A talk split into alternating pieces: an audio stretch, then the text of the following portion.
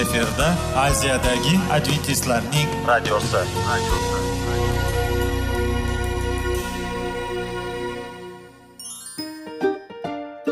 Assalomu alaykum aziz radio tinglovchilar.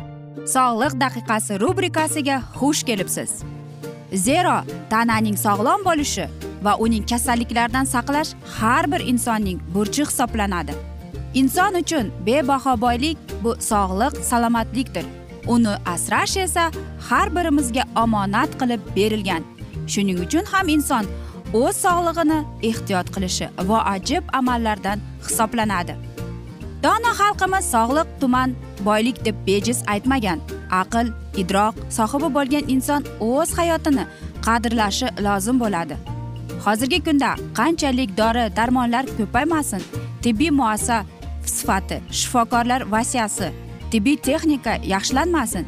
Agar insonning o'z salomatligi haqida qayg'urmasa kutilgan natijaga erishib bo'lmaydi va biz sizlarga bizning dasturimizga xush kelibsiz deymiz.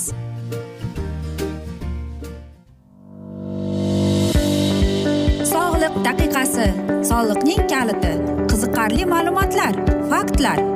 Har kuni siz uchun foydali maslahatlar. Sog'liq daqiqasi rubrikasi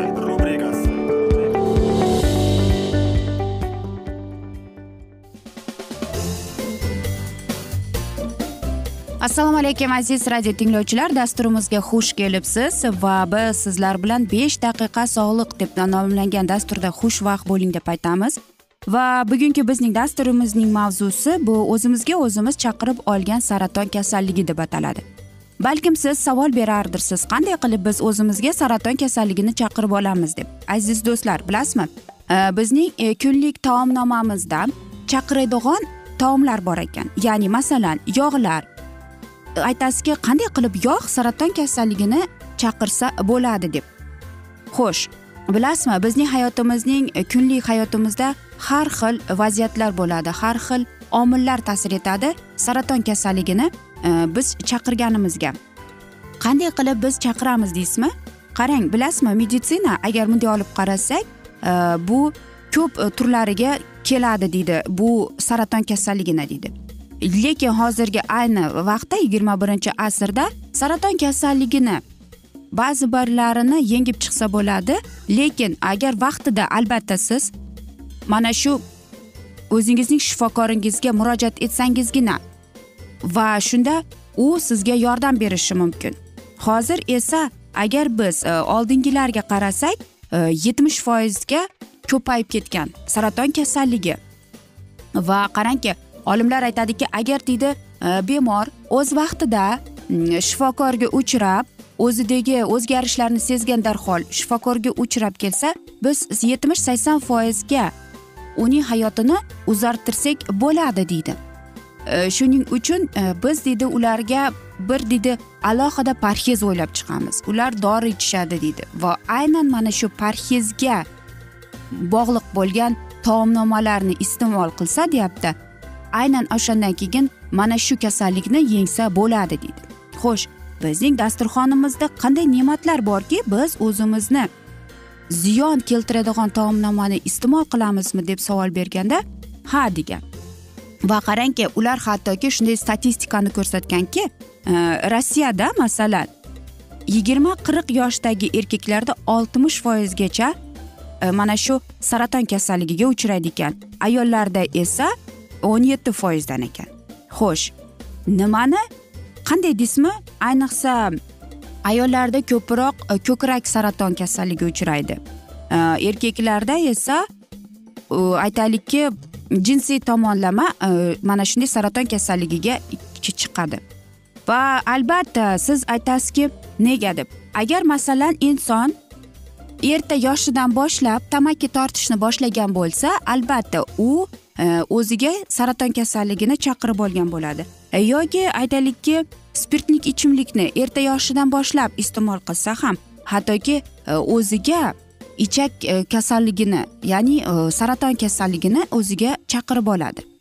Siz aytasiz e, saraton kasalligi bilan parhezni qanday bog'lig'i bor deb. Bilasizmi ilmiy izlanishlar oqibatida shunday ko'rsatdiki aynan ko'p insonlarning mana shu saraton kasalligiga uchrashishi bu ellik foizgacha uning ko'p sigaret chekishi deyapti. Yoki chunki undagi deydi mayda zararli kukunlari bor deydi masalan aqshda deyapti saraton kasalligi bilan kasal bo'lib qolganda bu ayniqsa erkaklarda deydi bu ikkinchi uchinchi e, o'rinni olar ekan. Bu prostatit e, saratoni ayollarda esa ko'krak saratoni deydi. E, Rossiyada esa deydi bu ko'pchilikka uchraydigan albatta oshqozon kasallik saratoniga deydi. Ayollarda deydi ko'pi o'limiga olib kelgan sababi bu ayniqsa ko'krak saratoni deydi. Yana bir e, eng qo'rqinchli saraton bu albatta o'pka e, saratoni ekan. Va aynan mana shu dieta aynan mana shu parhez agar inson o'zini shifokor yozib bergan dorilarni vaqtida iste'mol qilib shifokor yozib bergan aynan ana shu parhezlarga E, rioya qilsagina yutib chiqadi mana shu e, saraton kasalligini. Qarangki yana bir shunday usul bor. Biz e, shifokorlar uni ximiya deyiladi. Aynan mana shu ximiya ham nima demoqchimisiz deymizmi qarang agar insonda kasal bo'lganda unda kanserogenlar ishlab chiqadi va aynan mana shu ximiya rak kasalligini kamaytirishga yordam beradi. Aynan o'sha rakning deydi e, kelib chiqishi kletchatkalarni yo'q qilishga harakat qiladi. Va shifokorlar aytadiki aynan mana shu ximiya olayotgan mahalda bemor deyapti yog'li ovqatlarni iste'mol qilmasdan e, ko'proq deydi meva sabzavot ko'kat iste'mol qilsa deyapti qovurilgan ovqatdan o'zini tiysa deydi. Va faqatgina bug'umda pishirilgan qaynatilgan ovqatlarni iste'molni qilsagina deydi. U o'ziga yordam bergan bo'ladi deydi. Bilasizmi kletchatka ozligi bu rossiyada aqshda kanada yangi zelandiyada bu kasallikning eng yuqori pog'onada turar ekan. Aynan o'sha mana shu mamlakatlarda yog'li ovqatlarni ko'p iste'mol qilishar ekan. Shuning uchun aziz do'stlar e, mana shunday sizga saraton kasalligi degan e, tashxis qo'yilgan bo'lsa bu hali hech e, oxirgi pog'ona emas. Shuning uchun shifokoringiz aytgan usullarga aytgan parhezlarga rioya qilib dorilarini vaqtida iste'mol qilsangizgina siz o'zingizning hayotingizni cho'zdirasiz deymiz. Va albatta jismoniy mashqlar ham sizga yordam beradi. Aziz do'stlar mana shunday asnoda esa biz sizlar bilan xayrlashib qolar ekanmiz. Sizlar bilan biz salomat klub orqali sizlar bilan suhbat qilsak bo'ladi yoki whatsapp orqali. Bizning whatsapp raqamimiz plyus bir uch yuz bir yetti yuz oltmish oltmish yetmish aziz do'stlar. Va biz sizlar bilan xayrlashar ekanmiz. Sizlarga sog'lik salomatlik tilab o'zingizni ehtiyot qiling deymiz.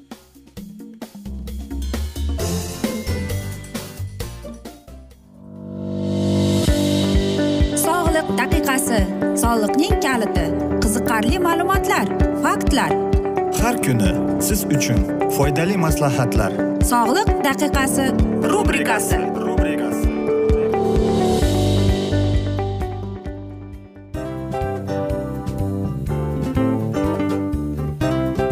Mana ha hayotda hamma narsaning yaxshi narsalar tugaydi va yakunlaydi degandek bizning dasturimizga ham yakun keldi.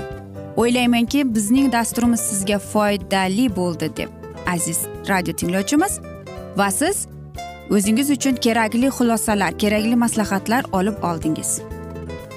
Aziz radio tinglovchimiz biz bilan qoling va keyingi dasturlarimiz albatta undanda qiziqroq bo'ladi. Mana shu alfozda sizlar bilan xayrlashib qolaman.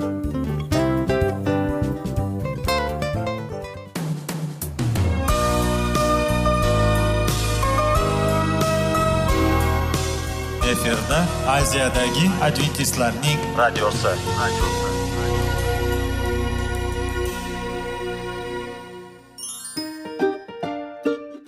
Assalomu alaykum aziz radio tinglovchilarimiz. Dil izhori dasturimizga xush kelibsiz. Pul insonni baxtli qiladimi? Albatta yo'q. Sog'liqchi? Albatta bo'lishi mumkindir. Lekin olimlar shuni isbotlashdiki to'liq va mukammal munosabatlar insonlarni baxtli qilar ekan. Albatta biz hayot davomida biz yaqin insonlar bilan odamlar bilan aloqada bo'lamiz va ular bilan munosabatlarimiz qanday kechadi qanday tuziladi? Yigit va qiz er va xotin ota ona va farzandlar va yaqin insonlar bilan.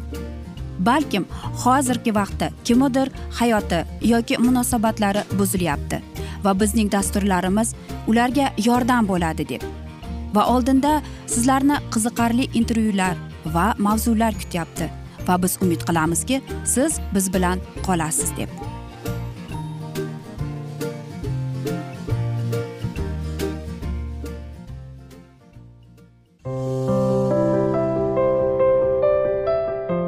Kuni har xil kasbdagi odamlar bilan sirlashish va bo'lishish sevgi rashq munosabat bularni hammasi dil izhori rubrikasida.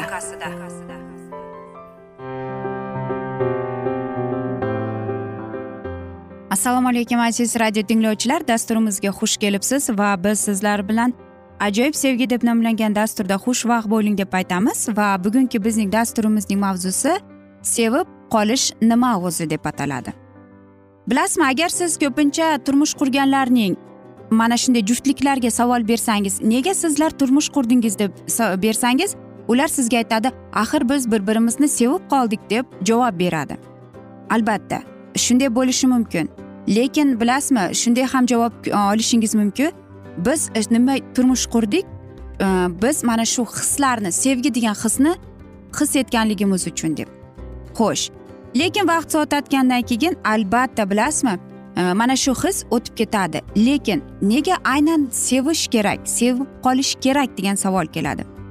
Xo'sh bilasizmi mana shunday bo'ladiki yillar o'n yil o'n besh yil o'tadi. Lekin mana shu narsalarni vaqt o'tgan sari siz albatta tushunasizki siz o'ylaysiz yo'q bu inson mening inson emas. Men u bilan ajrashishim kerak men sevgi deb qilgan narsani bu sevgi emas shunchaki qandaydir bir oshiqliq ekan deb. Lekin bilasizmi sevib qolish sevish kerak degan so'zning ma'nosi shu ekanki e, siz sevgiga yuragingiz bilan chuqur kirib ketishingiz kerak. Demak sevging siz o'zingizni va sevgilingizni yuragingiz bilan chin sevib qolishingiz kerak ekan. Demak biz o'zimizning aqlimiz bilan yuragimiz ham sevib qolish kerak ekan. Qanchalik biz dono bo'lmaylik biz aytaylikki sevgini o'zimiz o'stiramiz. Nimani eksang shuni o'rasan deb bejiz aytilmagan to'g'rimi? Va men o'ylaymanki e, sizlar mening gapimga qo'shilasizlar. Chunki agar biz nafratni eksak biz nafrat olamiz to'g'rimi? Agar biz aytaylikki mm, shunchaki o'rganib qolganimizni eksak. Biz shuni ekamiz to'g'rimi? Va keyin oxir oqibatda biz shuni o'rib olamiz. Lekin haqiqiy sevgini biz saqlashimiz kerak.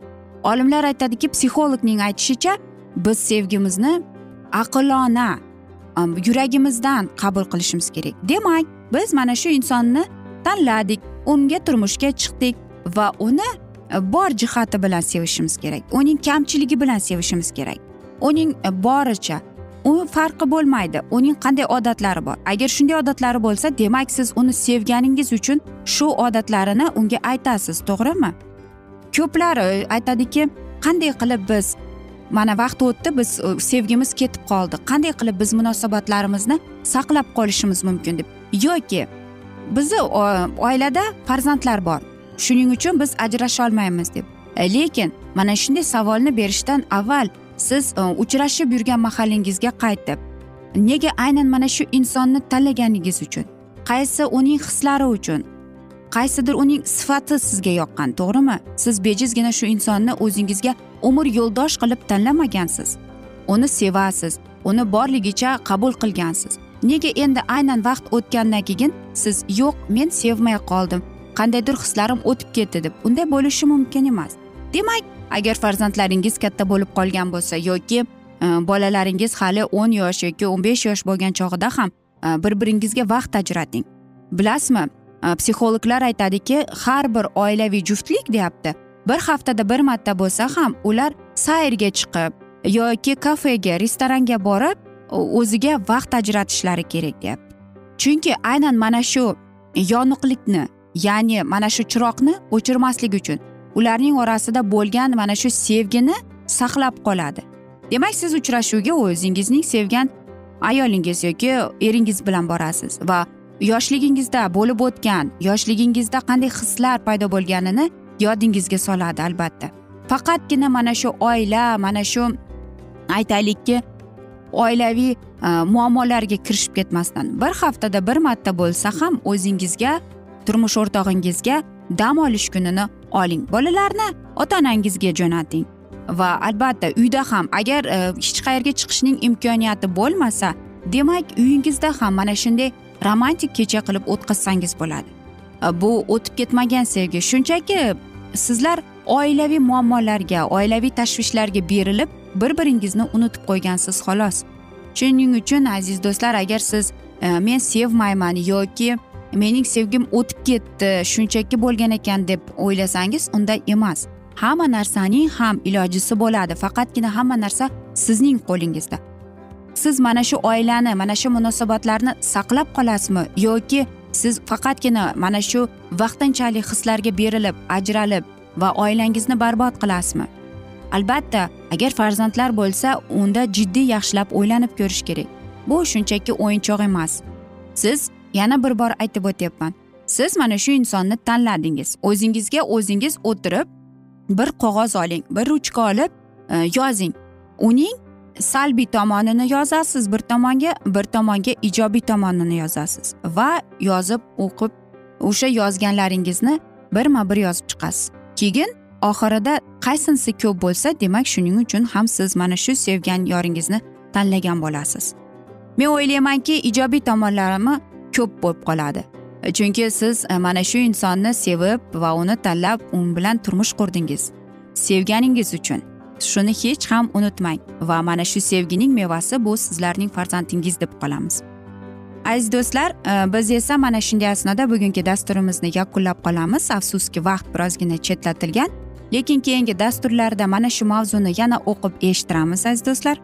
Biz esa Э, sizlarga va oilangizga tinchlik tilab qolamiz. Men umid qilamanki bizni tark etmaysiz deb chunki oldinda bundanda qiziq va foydali dasturlar sizni kutib kelmoqda deymiz aziz do'stlar. Va bilasizmi sizlar bilan xayrlashar ekanmiz. Sizga va oilangizga sog'lik salomatlik tilab o'zingizni va yaqinlaringizni ehtiyot qiling deymiz. Va albatta seving seviling deb xayrlashib qolamiz.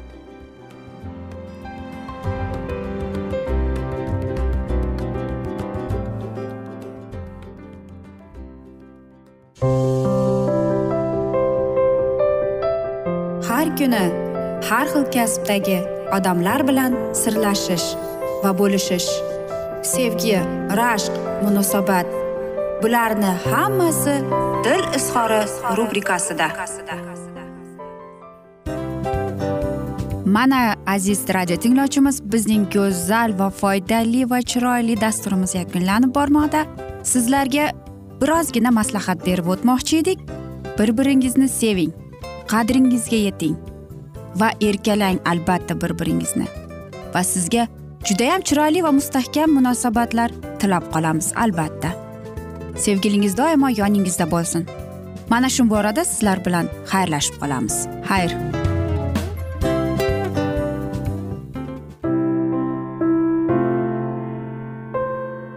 Hayotning noni qiziqtirgan savollar va javoblar. Buning hammasi ko'ngil uchun oziqa rubrikasida.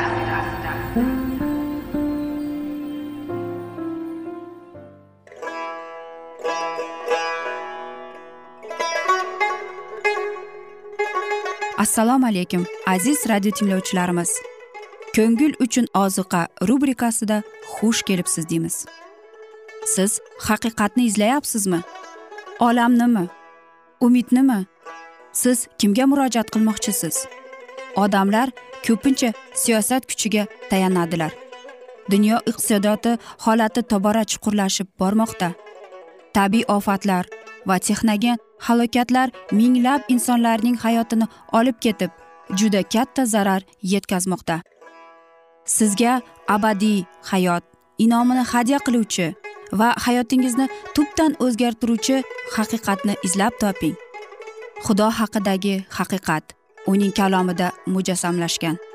Kimki bu haqiqatni butun qalbi bilan izlasa albatta unga yetishadi. Bu sevgi xudoning tarixidir.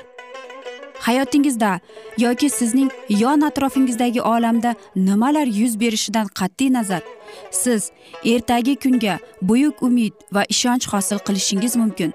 Hozirda xudo sizga taklif qilayotgan umid ishonchga o'z qalbingizni oching va sizni qiziqtirayotgan mavzularni savollaringizga javoblaringizni topib olasiz deb umid qilamiz. Biz bilan qoling.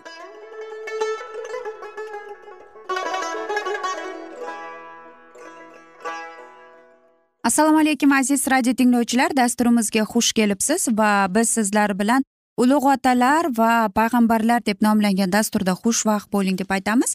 Va bugungi bizning dasturimizning mavzusi oliy ruhoniy ali va uning o'g'illari deb ataladi. Va siz bu hikoyani birinchi podshohlar kitobining ikkinchi bob o'n ikkinchi o'n o'ttiz oltinchi she'rlariga asoslangan. Ali isroilda ruhoniy va hakam bo'lib ilohiy xalq orasida eng baland va mas'uliyatli mavqega yetishgan edi. Muqaddas xizmatni bajarish uchun xudo tomonidan tanlangan va mamlakat ustidan oliy hakamlik hokimiyatiga qo'yilgan. U hammaga namuna bo'lib isroillik qavmlariga juda katta ta'sir qilar edi. Ammo isroilni boshqarish uchun u tanlagan bo'lsada o'z xonadonida bosh emasdi. Ali ojiz tabiatli ota bo'lib chiqdi. Tinchlik va oromni sevar ekan u o'z farzandining buzuq odatlarini tuzatishda o'z obro'sini ishlatmasdi. Ularning xulq atrofiga qarshi turib ularga tanbeh berish o'rniga ota ularning irodasiga bo'ysunardi va harakatlarda to'la erkinlik berib qo'ygandi. O'g'illarimni tarbiyalash eng muhim burchim deb muomala qilish o'rniga u shunga kam e'tibor berardi.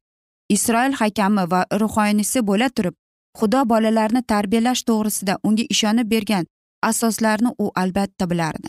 Ammo ali ushbu majburiyatdan bosh tortardi. Chunki otasining xohishi o'g'illarning irodasiga zid kelardi. Aks holda ularni cheklantirib tanbeh berish kerak edi. O'z harakatsizligining oqibatlarini o'ylamay u farzandlarini erkin qo'yib xohlaganlarini qilishga ijozat berdi. Ularni o'z majburiyatlarini bajarishga xudoga to'g'ri xizmat qilishga o'rgatmadi. Ibrohim to'g'risida xudo dedi u o'zidan keyingi o'g'illariga va uy ahliga ham xudovand yo'lidan borishni to'g'irlik va oddiylik bilan ish qilishni amr etsin deb men uni tanladim. Ammo ali o'z farzandlariga ustidan hokimlik qilishlariga ijozat berdi. Ota o'g'illariga bo'ysunadigan bo'ldi. Ularning xulq atrofi past va nuqsonli bo'lar edi. Ular o'zlari parvardigorning hokimiyatini va uning qonuni muqaddasligini tanib bilmasdilar. Diniy xizmat ular uchun oddiygina ish edi. Yoshlikdan ular makkonga va undagi xizmatga o'rganib qolgan edilar. Ammo ulg'aygan sari ularda katta ehtirom hislari mustahkamlashni o'rniga ular muqaddaslik to'g'risida diniy xizmatining muhimligi to'g'risidagi har qanday tushunchani yo'qotdilar va ota ulardan o'ziga hurmat degan narsani talab qilmasdi va makondagi tantanali xizmatga ularning iltifotsiz muomalasini uzmas edi. Ular balog'atga yetganlarida qalblari isyonkor o'jarlik samaralar bilan aynigan edi. Alining o'g'illari chodirda xizmat uchun butunlay loyiq bo'lmasalarda ularni makonda ruhoniy qilib belgiladilar qurbon chalish to'g'risida xudo alohida ko'rsatmalar bergan edi. Ammo ushbu betafiq odamlar ilohiy xizmatga va hokimiyatiga hurmat namoyon qilmadilar. Eng tantanali vaziyatda o'tkazilishi kerak bo'lgan qurbon keltirish qonuniga ular hech qanday ahamiyat bermasdilar. Masihning o'limi evaziga keltirilgan qurbonlar xalq ongida kelgusi xaloskorga e'tiqodni ko'maklab turishi kerak edi. Demak shuning to'g'risida hamma ilohiy ko'rsatmalarga jiddiy ravishda amal qilish lozim edi. Tinchlik qurbonlari xudoga minnatdorchilikni aynan ifodalardi. Ushbu qurbon keltirish paytlarida qurbongohda faqat dumba yog'i yoqilardi. Keyin belgili qismi ruhoniyga ajratilib berilardi. Ortiqroq qismi esa qurbon keltirganiga toki u o'z yaqin do'stlari bilan qurbon chalish ziyofatida yeyish uchun qaytarib berilardi. Shu yo'sinda har bir yurak minnatdorchilik va e'tiqod bilan o'z ustiga butun dunyo gunohlarini olgan buyuk qurbonga murojaat qilar edi alining o'g'illari ramzli xizmatining jiddiyligini tushunib yetish o'rniga ular diniy xizmatni faqat o'z xohishlarini qondirish uchun vosita sifatida qabul qilishardi. Tinchlik qurbonlarining ularga tegishli qismiga qoniqmay ular qo'shimcha qismni talab qilishardi va har qanday yilgi bayramlarda keltirilgan qurbonlar ular uchun xalq hisobga boyish manbaiga aylandi. Ular tegishligidan quprog'ini talab qilishni boshladi. Hatto xudoga bag'ishlangan dumba yog'i yonib bitganini kutmasdilar. Ularga yoqib qolgan qismi qattiq turib talab qilishardi. Bermaganda esa zo'rlab olishga tahdid etishardi. Ruhoniylar tomonidan shunday beehtirom muomala diniy xizmatining uning muqaddas va tantanali mazmunidan mahrum etardi va odamlarni xudovandga qurbon keltirishidan ozdirardi. Ular kelajakda kutiladigan buyuk ramzli qurbonni anglamay qolishardi va ushbu yosh odamlarning gunohi xudovandning ko'z o'ngida haddan buyuk edi. Ushbu nomussiz ruhoniylar ilohiy qonunni buzib o'z pastkash manfur ishlari bilan muqaddas xizmatni haqorat qilganlariga qaramay ular o'z hozirligi bilan ilohiy chodirni haromlashga davom etardi. Xalq ichra ko'plab xufni va pinsoqning buzuqligidan g'azablanib xizmat uchun tayinlagan joyga kelmay ham qo'ydi. Shunday qilib xudo tashkil qilgan xizmatni odamlar qoldirishardi. Betafiq erlarning gunohlarini ko'rib xizmatga mensimaydigan bo'lishardi. Gunoh qilishni yoqtiradigan yuraklar esa yanada ko'proq gunoh qilishga rag'batlantirdi qonunsizlik buzuqlik va hattoki butparastlik dahshatli darajaga yetdi. Aziz do'stlar mana shunday qilib bugungi biz dasturimizning mavzusini yakunlab qolamiz chunki vaqt birozgina chetlatilgan lekin keyingi dasturlarda albatta mana shu mavzuni yana o'qib eshittiramiz. Va men o'ylaymanki sizlarda savollar tug'ilgan. Agar shunday bo'lsa biz sizlar bilan whatsapp orqali yana davom ettirishimiz mumkin. Bizning whatsapp raqamimiz plyus bir uch yuz bir yetti yuz oltmish oltmish yetmish bizning whatsapp raqamimiz yana bir bor qaytarib o'taman. plyus bir uch yuz bir yetti yuz oltmish oltmish yetmish men umid qilamanki bizni tark etmaysiz deb chunki oldinda bundanda qiziq va foydali dasturlar kutib kelmoqda deymiz. Va biz sizlar bilan xayrlashar ekanmiz. Tinchlik totuvlik tilab omon qoling deymiz.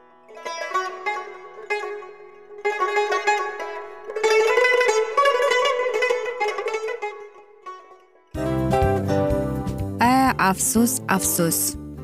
Hamma yaxshi narsaning ham yakuni bo'ladi degandek bizning foydali va qiziqarli dasturlarimiz ham yakunlanib qoldi. Va men umid qilamanki bizning dasturlar sizga ozgina bo'lsada maslahat berdi foyda berdi. Va sog'liq borasida ayniqsa sizlarga foydali bo'ldi deb. Va siz bizning maslahatlarga amal qilasiz deb.